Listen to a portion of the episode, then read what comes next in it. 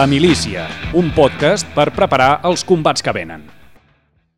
Benvinguts un dia més a La Milícia. Em dic Josep Asensio i podeu trobar tots els capítols a josepasensio.substack.com en primícia uns dies abans i també a la resta de plataformes de podcast, iVox, Spotify, Apple i Google. Avui us ofereixo una conversa amb el periodista i traductor Àngel Ferrero, col·laborador de diversos mitjans com Catarsi Magazine o la revista americana Jacobin.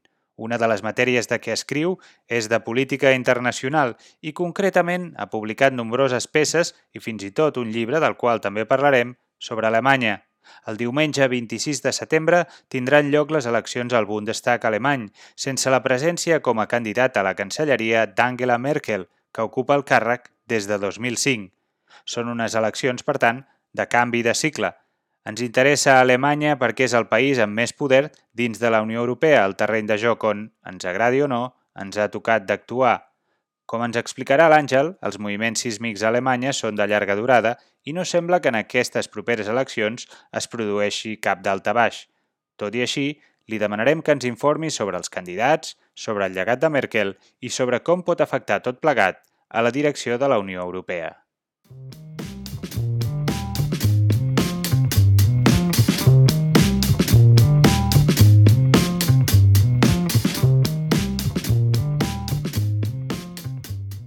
Àngel, benvingut a la milícia i gràcies per atendre la meva trucada.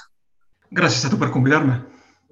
L'any 2013 vas publicar un llibre conjuntament amb Rafael Poc de Feliu i Carmela Negrete titulat La quinta Alemanya.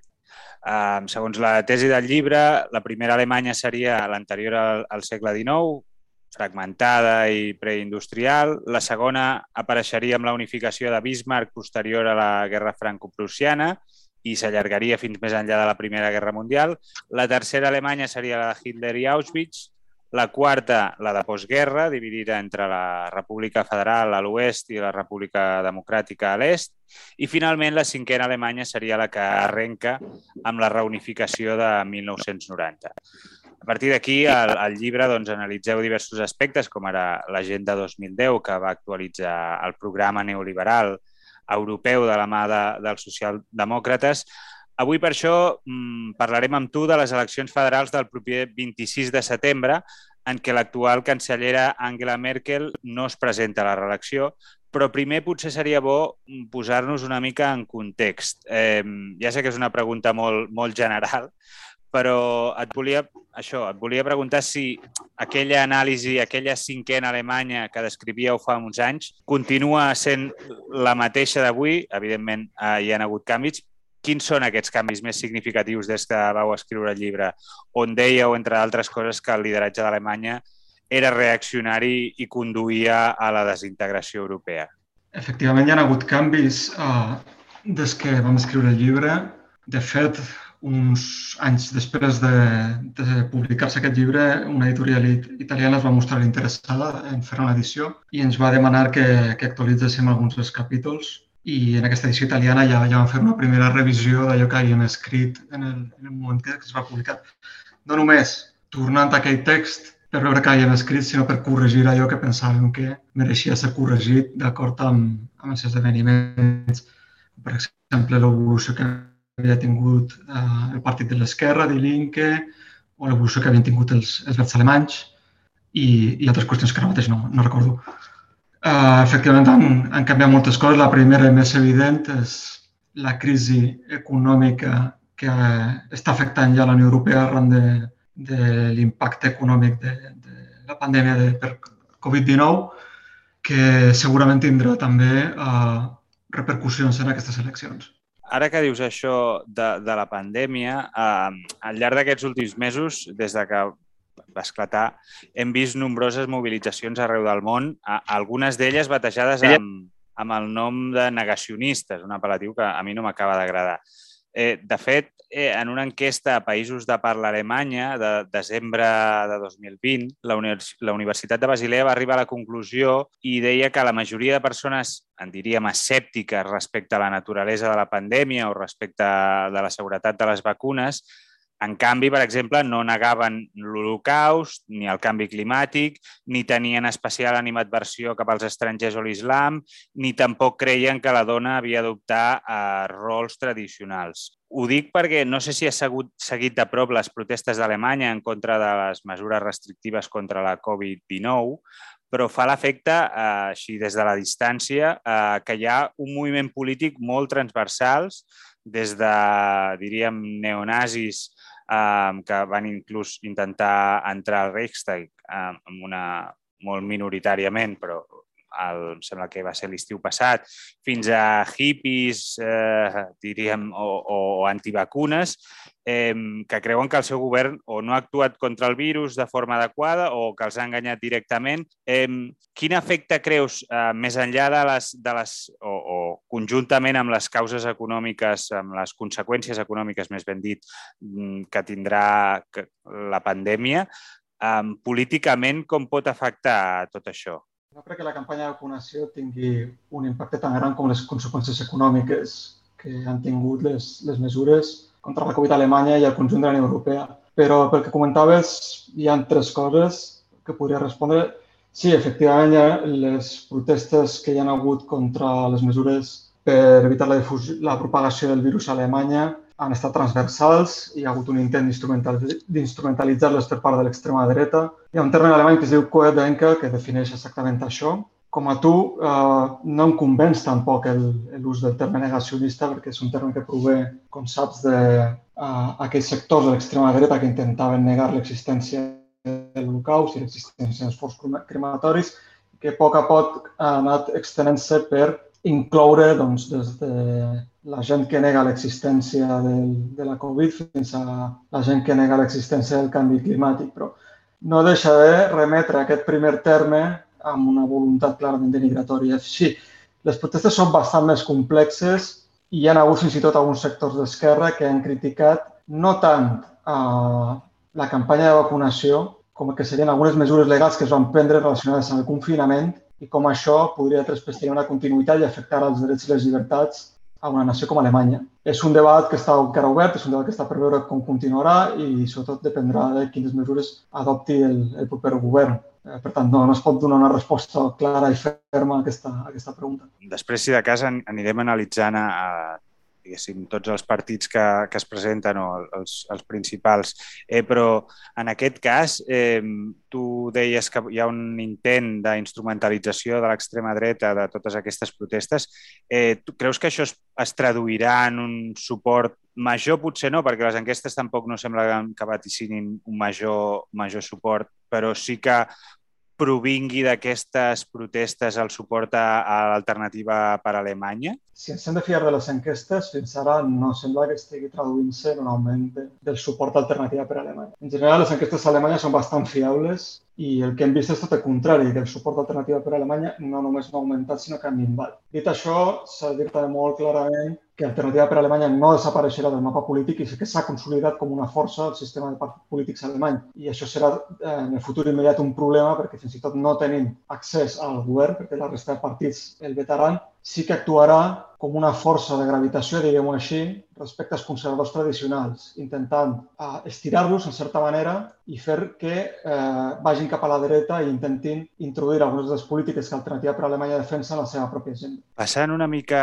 diguéssim, centrant-nos ja en les eleccions, jo crec que bueno, un dels primers fets que hauríem de destacar és eh, que l'actual cancellera Angela Merkel eh, no es presenta. No sé si et veus en cort. Eh, L'altre dia, bueno, ja fa, ja fa setmanes llegia un article de Wolfgang Munchau que valorava la, la cancellera Merkel com una de les polítiques més eh, sobrevalorades de, del nostre temps. No sé si hi estàs d'acord o no, però sí que m'agradaria, si poguessis fer, mm, ja sé que també estem parlant d'un període molt llarg, eh, però si poguessis fer una, una valoració de, del que ha significat eh, el llegat de, de Merkel per a Alemanya. Són 15 anys, efectivament, 15 anys donen per a molt. Uh, estic bastant d'acord amb el que diu Wolfgang Munchau de que és una, una política bastant sobrevalorada, no només al seu país, sinó que en els darrers anys hem vist una mena de blanquejament de la seva imatge al sud d'Europa i particularment a l'estat espanyol, una cosa que em va sorprendre molt, veure com la seva figura passava de ser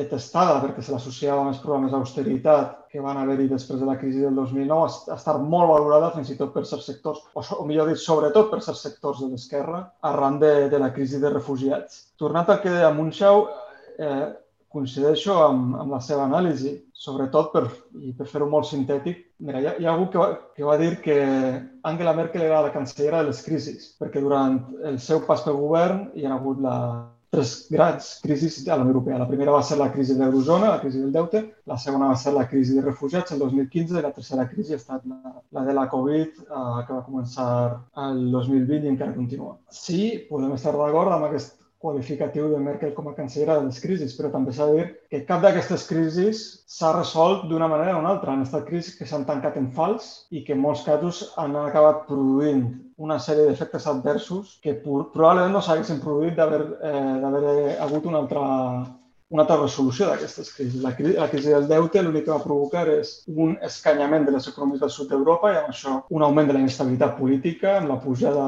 de partits d'extrema dreta a Grècia, per exemple, um, arran de, de la resposta que va haver el referèndum organitzat per Sirisa, la crisi dels refugiats va passar més o menys el mateix. No es va resoldre com havia d'haver-se resolt i una de les conseqüències que va tenir principal va ser aquesta, també provocar un augment dels partits eh, d'extrema dreta, no només a la pròpia Alemanya, sinó a la resta de, de la Unió Europea. I ara amb la crisi de la Covid encara està per veure què passarà, però no descartaria que veiéssim resultats molt semblants. Depenent sobretot de com es gestionin els fons europeus, però sobre el conjunt de països de Europea i sobretot sobre els països del sud d'Europa plana encara aquesta limitació d'endeutar-se que serà clau en els propers anys si no s'accepta aquesta moratòria que sembla que, que s'ha aprovat. Ens anem centrant ja en, en els temes de debat de, de les eleccions. Eh, aquí la veritat és que no ens arriba gaire informació és a dir, l'has de buscar com, com tot, eh, però els mitjans generalistes no deixen, no deixen passar més enllà de, de preocupacions, diguéssim, abstractes o, o difícils de, bueno, de localitzar en, en polítiques concretes.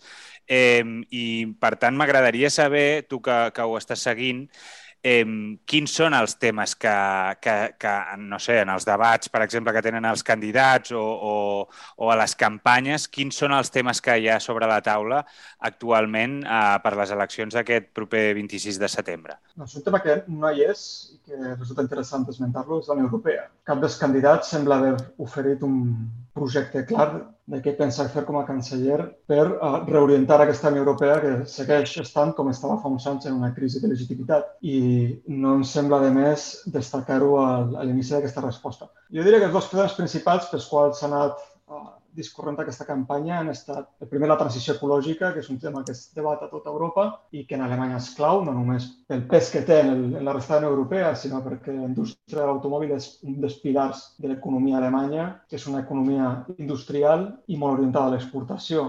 Això per una banda. Per l'altra banda, hem vist una tornada de temes molt socials a la campanya, eh, sobretot per part de, de socialdemòcrates, relacionats amb el sistema de pensions o l'augment del salari mínim, que l'únic que fan és eh, palesar, en certa manera, com uh, totes les polítiques que els propis socialdemòcrates havien apro aprovat fa anys s'han demostrat equivocades i no han re eh, resolt tots els problemes socials que tenia Alemanya, sinó que s'han agreujat. Partint d'aquí, d'aquests uh, aquests tres temes, un per absència i els altres dos eh, per presència.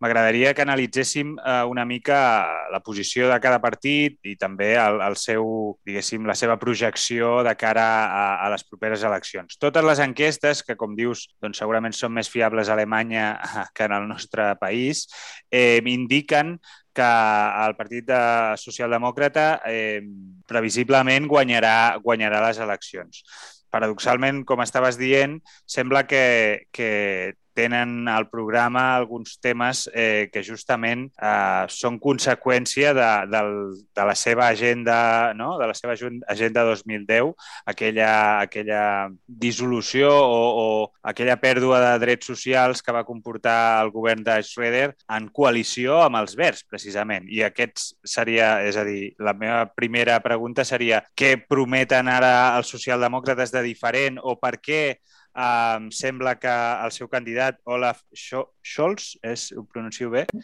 eh, sembla que, que, té més, eh, que li donen més confiança que, que els seus rivals.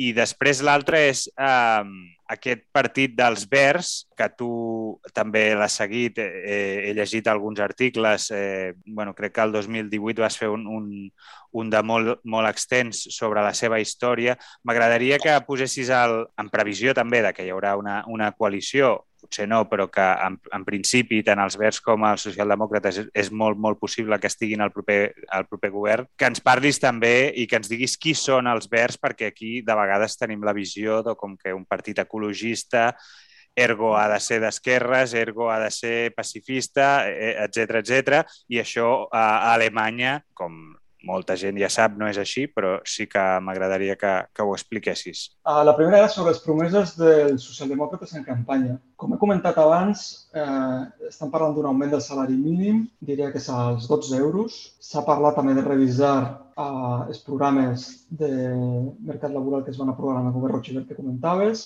i d'una eh, reforma en un sentit progressista del sistema de pensions. Tot això són promeses de campanya i, evidentment, estan subjectes al que passi després en la formació d'una coalició. Si la coalició és amb els verds exclusivament, aquestes promeses més o menys s'haurien de mantenir. Fins i tot els verds prometen en campanya, anar, en campanya perdó, anar més enllà de, de socialdemòcrates en algun d'aquests punts. Ara bé, el que passa és que ara mateix les enquestes donen com a resultat més probable una coalició entre socialdemòcrates verds i l'FDP, que és el Partit Liberal alemany.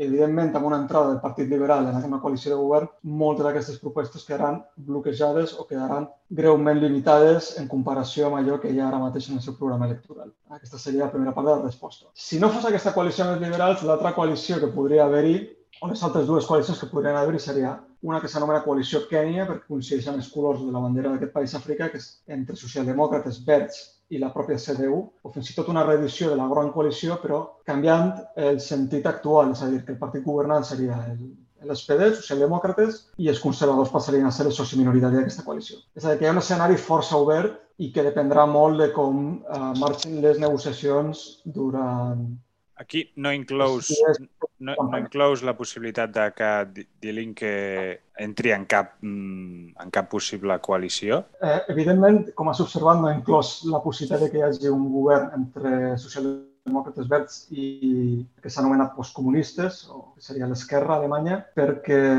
no sembla que ni socialdemòcrates ni verds estiguin molt disposats. Hi ha molts obstacles a aquesta coalició. Uh, un d'ells molt clar és la política exterior, perquè diguin que suposa clarament a, a l'OTAN i a les intervencions militars a l'estranger, cosa que és plenament acceptada per socialdemòcrates i verds, i també perquè la seva política social va molt més enllà d'aquests altres partits. A banda que tindria tot l'establishment econòmic en contra d'aquesta coalició i no sabien quina, quina mena de reacció hi hauria. Hi ha molts motius per pensar que aquesta coalició no es donarà tot i que socialdemòcrates i ara també els verds en els darrers dies estan dient que no tindrien cap inconvenient en tancar-la, però jo m'inclino a pensar que és més que res per no perdre aquesta carta a les negociacions de cara a la resta de partits. Die Linke, per la seva banda, sí que està defensant molt aquesta mena de coalició, aquesta, la, que seria una novetat perquè entraria el govern federal per primera vegada en la història d'Alemanya, però a mi no em queda clar si ho estan mantenint simplement perquè no es digui que no, que aquesta coalició no fracassa per culpa d'ells o perquè realment creuen que pot haver-hi aquesta finestra d'oportunitat. Però sí, de totes les coalicions possibles, que són moltes, aquesta sembla molt clarament que és la que té menys possibilitats. Val, eh, seguim ja. No me'n recordo què, què més t'havia preguntat al respecte. Crec que el que sí que volia era això, que ens parlessis dels verds, que durant una època, crec que no sé si a la primavera o a principis d'estiu, semblava que a les enquestes el posaven com a encapçalant a, a, això, a les enquestes com a partit guanyador, però ara eh, sembla que ja no, no està tan ben situat. M'has preguntat també per Olaf Scholz. No sé si vols que et respongui. Sí, sí, sí, per... i tant, i tant, perfecte. Uh, Olaf Scholz és un candidat de consens. Uh, L'elecció d'Olaf Scholz com a candidat de socialdemòcrates arriba bàsicament per una mena de treva entre dos sectors del partit, que són l'ala esquerra, que està encapçalada per l'actual direcció, i uh, l'ala, diguem-ne, dreta, més vinculada al govern de Schröder i que representa el propi Scholz. Aleshores van arribar a la conclusió de que si volien tenir una oportunitat per guanyar les eleccions no podien presentar un candidat d'esquerres, que era molt millor tenir un candidat que atraies molt, un vot molt més ampli i van decidir que Scholz, que, era, que és qui ocupa actualment el, el càrrec de ministre de Finances, serà la persona més oportuna. S'ha de dir que en aquest sentit, en aquest sentit estratègic, van encertar de ple perquè els votants sembla que estan responent de manera favorable a la figura de Scholz com a proper canceller i, i ara mateix en les enquestes fins i tot supera per 5 punts a, a la CDU. Tot això no deixa de ser un personatge polèmic. Han aparegut alguns articles recordant que ha estat al centre mateix algunes de les pitjors decisions econòmiques que ha pres Alemanya en els darrers anys i que fa uns pocs dies fins i tot va haver un escàndol al Ministeri de Finances que ell mateix dirigeix. Tot això, en qualsevol cas, no sembla estar afectant-lo i molt hauríem de canviar les enquestes com perquè la CDU tornés a adelantar a, a socialdemòcrates. Tota aquesta pujada dels propis socialdemòcrates també s'explicaria per la davallada dels, dels cristianodemòcrates. El candidat que van escollir després d'unes primàries molt disputades en què hi havia un candidat de la dreta dura, que era Friedrich Merz, eh, un candidat més proper a, als Verds, que era Norbert Röttgen, i fins i tot un candidat no declarat, com era president de Baviera, Markus Söder, va de, afeblir o va debilitar en certa manera a la CDU i per si això fos poc, després van haver aquestes inundacions a Alemanya. Un dels estats més afectats va ser el, el que presideix el propi Armin Laschet, la qual cosa li va comportar una, una pèrdua de popularitat que no ha aconseguit recuperar. En comptes de redreçar aquesta campanya, tot el que deien els mitjans alemanys era que es va posar nerviós, va començar a enviar missatges contradictoris i, en comptes de remuntar, l'únic que feia era anar caient. No ha tingut tampoc, pel que sembla, una bona actuació en els debats televisats i ara en les darreres setmanes el que hem estat veient és que ha ressuscitat aquest espectre fantasma de l'anticomunisme Alemanya, advertint que si hi ha un tripartit entre socialdemòcrates verds i Die això tindrà efectes molt negatius en l'economia alemanya, que augmentarà el dèficit, fins i tot s'han desenterrat tots aquests estereotips que va haver-hi durant la gran recessió amb l'Europa del Sud, dient que a un govern socialdemòcrata es començarà un altre cop a pagar el deute dels països del sud d'Europa que no han sabut controlar la seva despesa, etc etc. Tots aquests són una mica els factors que han explicat per perquè Olaf Scholz està superant ara mateix les enquestes a Armin Laschet i no sembla que la cosa canvi, com no sigui que hi hagi tota una sèrie de eh, bosses de vots, de vot ocult que pugui mobilitzar en un darrer moment, per una banda, i per l'altra que amb aquest discurs de l'espectre d'un tripartit amb l'esquerra aconsegueixi treure vots a socialdemòcrates, però també mobilitzar una part del vot o de l'electorat, millor dit, d'alternativa per a Alemanya. Aquí, això es resumiria amb aquella, amb aquella frase, no, no sé, em sap greu perquè no recordo d'on l'he tret, però de, que deia allò de que el comunisme ja no existeix, però l'anticomunisme encara, no? I amb aquest anticomunisme, doncs, encara, pel que dius, encara es poden fer campanyes, tot i que, de moment, mm, no gaire exitoses, pel que, pel que sembla. I ara sí, eh, em sembla que ja de tot el reguitzell de preguntes que t'he fet a, a la primera ronda, em sembla que ja només ens queda abordar els verds, no? M'has preguntat pels verds, sobretot si la seva, la seva percepció a, aquí a Catalunya es correspon amb el que són realment a Alemanya. Jo en més d'un article ja he deixat bastant clar que hi ha una imatge molt romàntica dels verds, vinculada sobretot amb els seus orígens antisistema del maig del 68 alemany i els moviments de protesta posteriors contra l'OTAN, contra l'energia nuclear i, i, contra, i demanant bàsicament el que era la neutralitat d'Alemanya Occidental en aquells moments de Guerra Freda. Tota aquesta política d'esquerres dels verds es va anar perdent molt a poc a poc i arran de la seva participació en la coalició roig-i-verda amb, amb Schröder es va perdre definitivament perquè amb els verds govern no només es va aprovar, com es dit més d'una vegada aquell, aquell paquet de mesures que va empitjorar-hi molt la qualitat de vida de molts alemanys, fent, fent que el mercat laboral fos molt més competitiu entre els treballadors del que ho és ara, sinó que també es va trencar un tabú com era la participació de l'exèrcit alemany en, en intervencions militars amb el bombardeig de, de Iugoslàvia.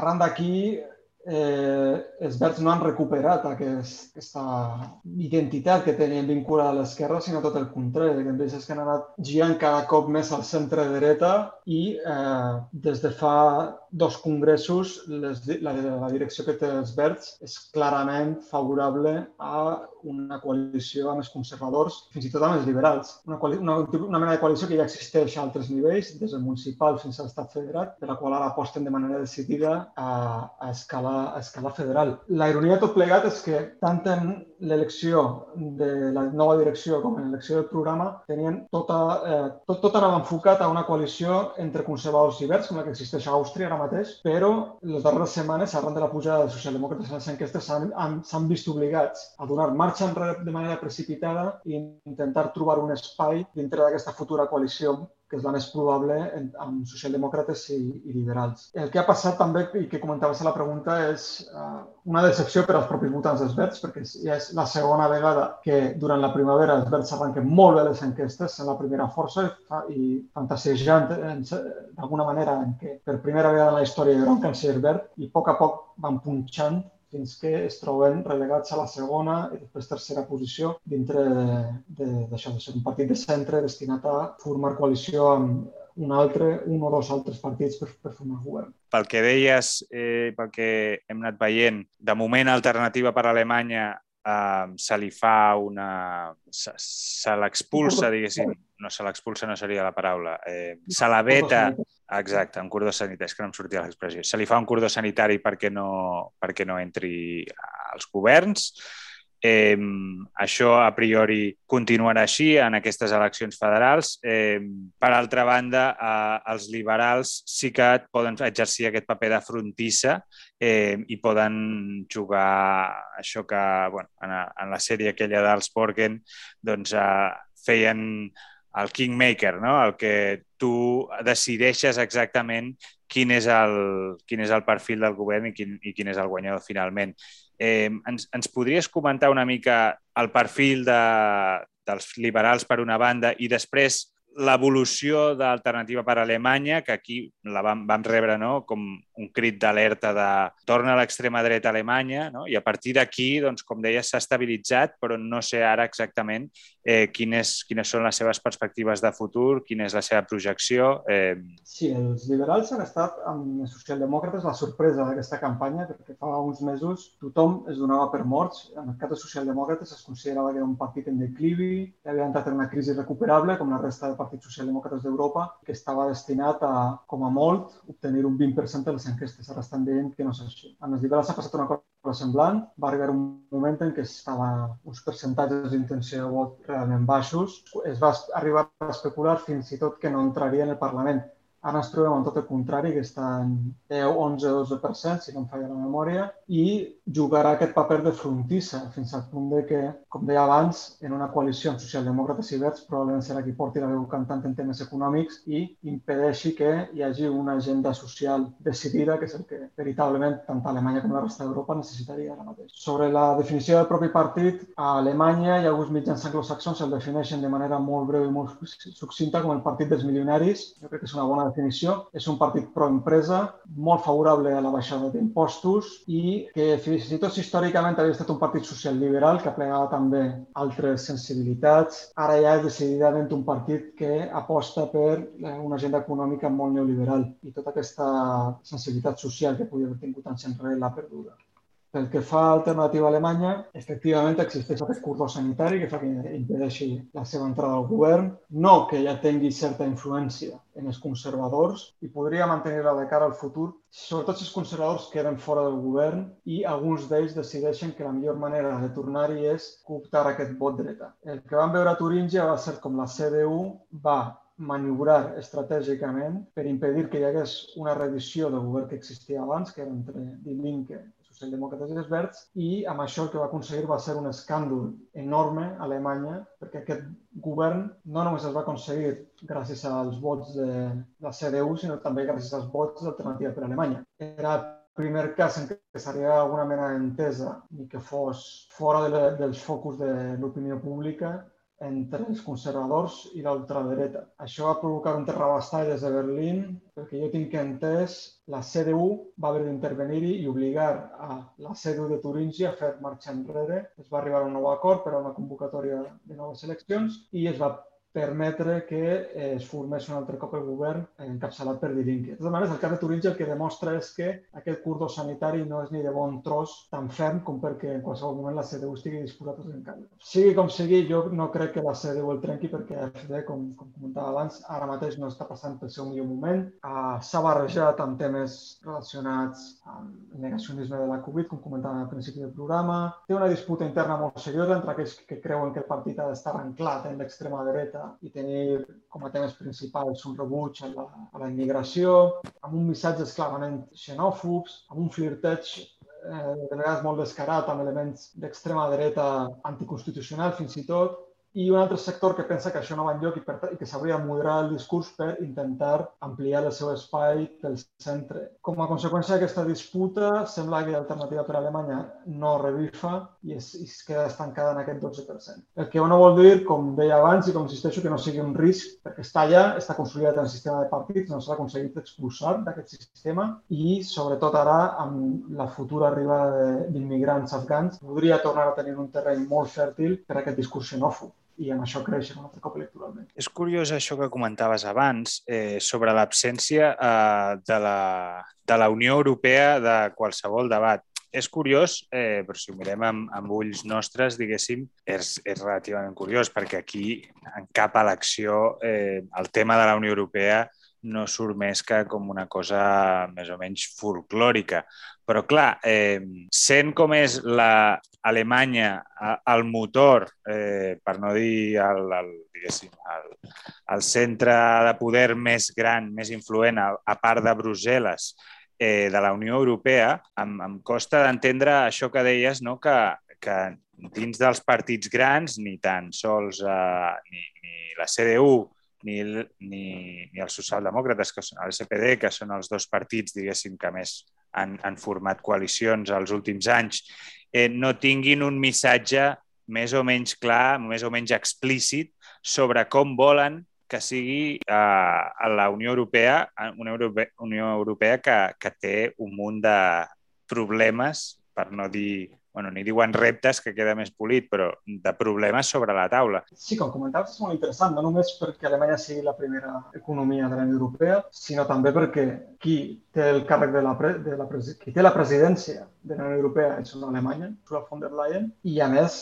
si Alemanya decidís posar en marxa un programa ambiciós de transformació ecològica, evidentment tindria una influència sobre la resta de països de la Europea. El que comentava abans, per començar per alguna banda, perquè la indústria d'automòbil alemanya és molt important i, per tant, tots els canvis que hi haguessin allà serien vistos amb, amb molta atenció per la resta de països europeus. El motiu pels quals no s'ha tractat la Unió Europea en aquesta campanya, jo sospito que són principalment dos. El primer és que hi ha una mena de consens establert de continuar la política europea més o menys tal i com és actualment i la segona perquè arran de l'impacte econòmic de la Covid totes les qüestions internes s'han agafat molta prioritat i no han deixat pràcticament espai a, les qüestions europees. Em costa d'entendre de, com, com uh, des d'Alemanya no es té una posició definida sobre, sobre aquest tipus de temes. Per exemple, sobre la, la política de defensa europea. No sé si això ja entenc que com a tema mm, per unes eleccions no és gaire llaminer,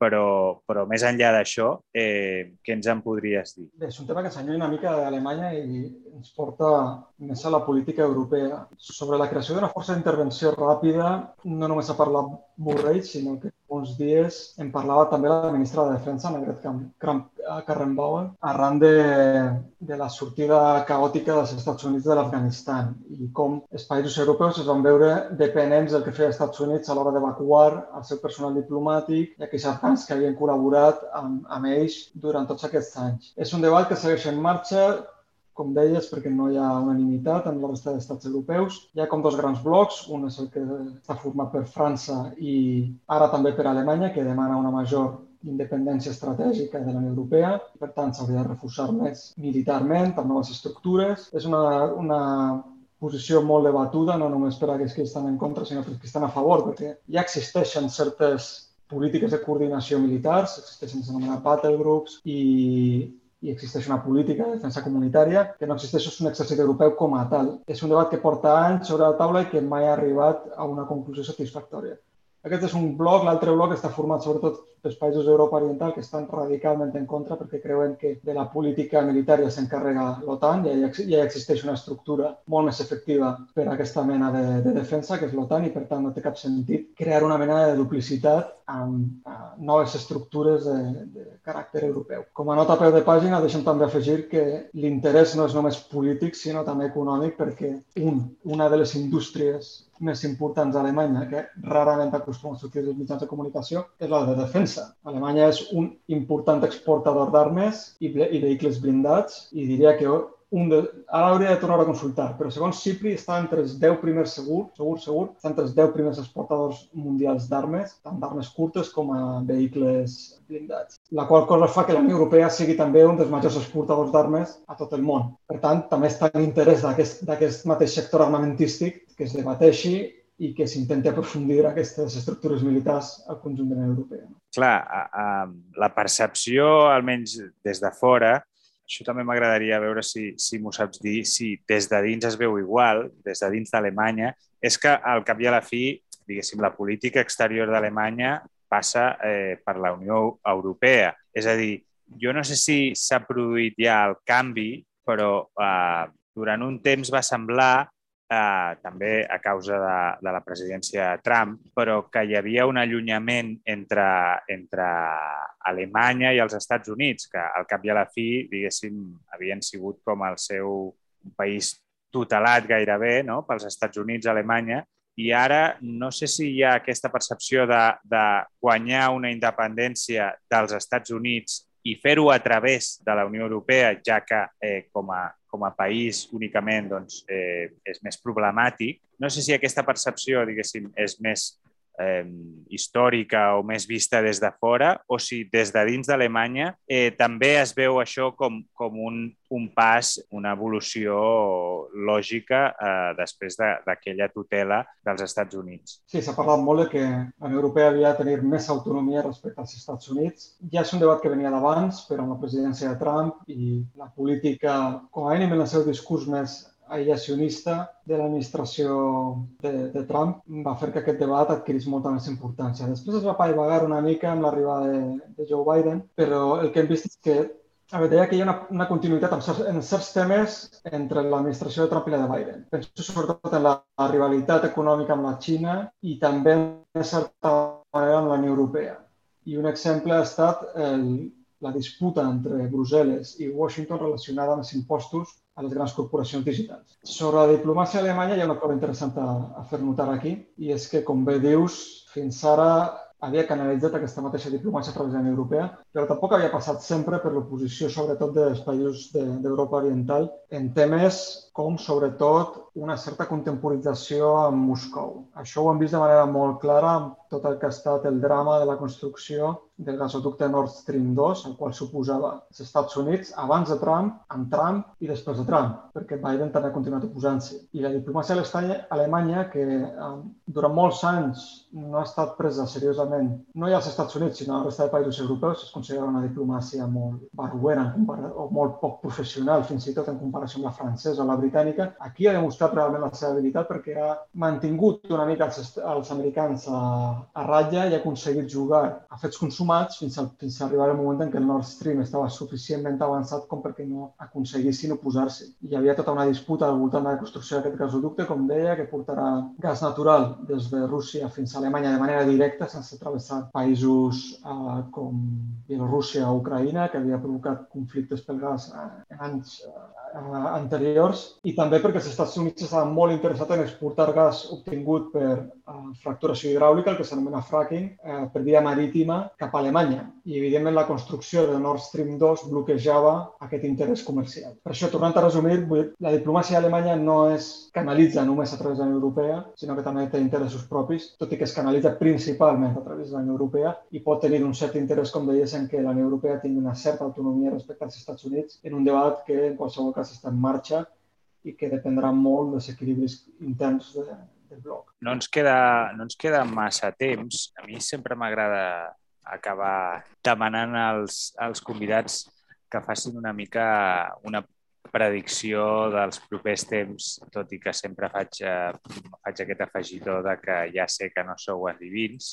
però eh, en base als vostres coneixements sí que penso que, doncs, que bueno, podeu fer una petita, un petit aposta eh, sobre com creieu eh, que es poden desenvolupar eh, els esdeveniments. En aquest cas estem parlant de les eleccions a Alemanya. Els resultats tampoc no, no series un gran pitonisso si encertessis a, a al guanyador, perquè en principi tot sembla, tot sembla apuntar cap al, el Partit Socialdemòcrata, però sí que més endavant, eh, que ens facis una, una mirada així més àmplia de, de la política alemanya en els propers temps, eh, quins creus que poden ser els debats, eh, els punts eh, conflictius, eh, fins i tot si t'atreveixes a dir-nos quina creus que serà la, la coalició guanya, guanyadora de govern, una mica que ens, que ens facis petit projecció del que creus que pot passar en els propers temps a Alemanya. Està clar que ningú pot fer pronòstics, com deies, ni endevinar com serà el futur, i menys encara després de la pandèmia. Si abans de la pandèmia era complicat, ara amb la pandèmia, que és un terreny molt més insegur, doncs encara ho és molt més. Ah, pel que fa als resultats electorals a Alemanya, sí, sembla força clar que molt hauríem de canviar les coses perquè no veiem a l'octubre o a novembre més tardar un govern que estigui format per socialdemòcrates, verds i liberals, amb una segona opció que seria la que et comentava abans, que seria socialdemòcrates, conservadors i verds, i un darrer recurs que seria una altra ruptura a la gran coalició. Aquestes són les tres opcions més probables de govern a Alemanya. I quins seran els temes que més es comentaran en un futur immediat? Doncs els mateixos que estan tractant ara mateix en campanya. Jo no crec que hi hagi moltes diferències, que seran una transició ecològica que és complicada perquè hi ha interessos econòmics molt poderosos als quals afecta aquesta transició ecològica i com aquesta transició ecològica es fa sense que comporti una, uns costos socials, sobretot per a aquells que són més, més desfavorits en la societat. I això de retruc porta a l'altre gran tema que s'ha tractat en aquesta campanya a Alemanya, que són les, les qüestions socials. I és aquesta escletxa cada cop més gran entre aquells qui tenen i els qui no tenen, com es deia als Estats Units. I jo crec que aquests són els dos grans temes no només d'Alemanya, sinó del conjunt de la Unió Europea en els propers anys. A nivell de política entre estats, el que veurem serà també el manteniment del conflicte que hi ha entre Alemanya, sobretot, i els països d'Europa Oriental, on governen partits que estan al centre l'històric centre-dreta, des de Llei i Justícia a Polònia fins a Fidesz a Hongria. Està per veure què passarà a Itàlia, si realment hi haurà eleccions d'aquí poc i com acabaran aquestes eleccions, amb una victòria de la Lliga o de Germans d'Itàlia, i quin impacte tindrà això a la, a la política europea. També què passarà eh, a l'estat espanyol d'aquí un parell d'anys, quan hi hagi eleccions, si el Partit Socialista aconsegueix repetir aquesta coalició electoral que manté amb Unides Podemos, o veiem l'arribada d'un govern del Partit Popular en el suport des de fora o fins i tot dintre del govern de Vox. Tot, totes aquestes eleccions que se celebraran en un dos anys poden canviar i molt què passarà a Alemanya i sobretot què passarà al conjunt de la Europea. Perfecte. Doncs eh, crec que amb això, amb aquesta, amb aquesta idea, ens en podem anar. No sé si s'ha quedat alguna al pap que vulguis afegir abans de, de que ens acomiadem. Hi ha alguna idea que, que volies que volies explicar i que, i que pel que sigui doncs, no, no l'haguem comentat, eh, és digues ara o, o calla per sempre. Possiblement unes quantes. El que passa és que són tantes i podríem entrar tant en profunditat que millor ho deixem per a un altre programa si sí, sí. convenient. Doncs, podem... Penso, per exemple, en, en avaluar el que han estat o fer un balanç en el que, del que han estat aquests 15 anys de Merkel. És una qüestió que pràcticament requereix un programa per si sol. Però vaja, doncs, doncs que... em sembla, agafo, agafo la teva proposta al vol i ja, ja ho anirem comentant, però sí, sí, jo encantat de, de rebre't aquí a la milícia. Avui hem parlat, hem fet aquest especial d'eleccions perquè es queden, queden molt pocs dies perquè se celebrin les eleccions. Hem considerat que Alemanya doncs, mereixia dedicar-li un, un programa especial. Eh, moltes gràcies, Àngel, per acompanyar-nos. Ha estat un plaer. I als oients, doncs, eh, fins a la propera. Esperem que, que heu tingut una, hagueu passat una bona estona. Moltes gràcies.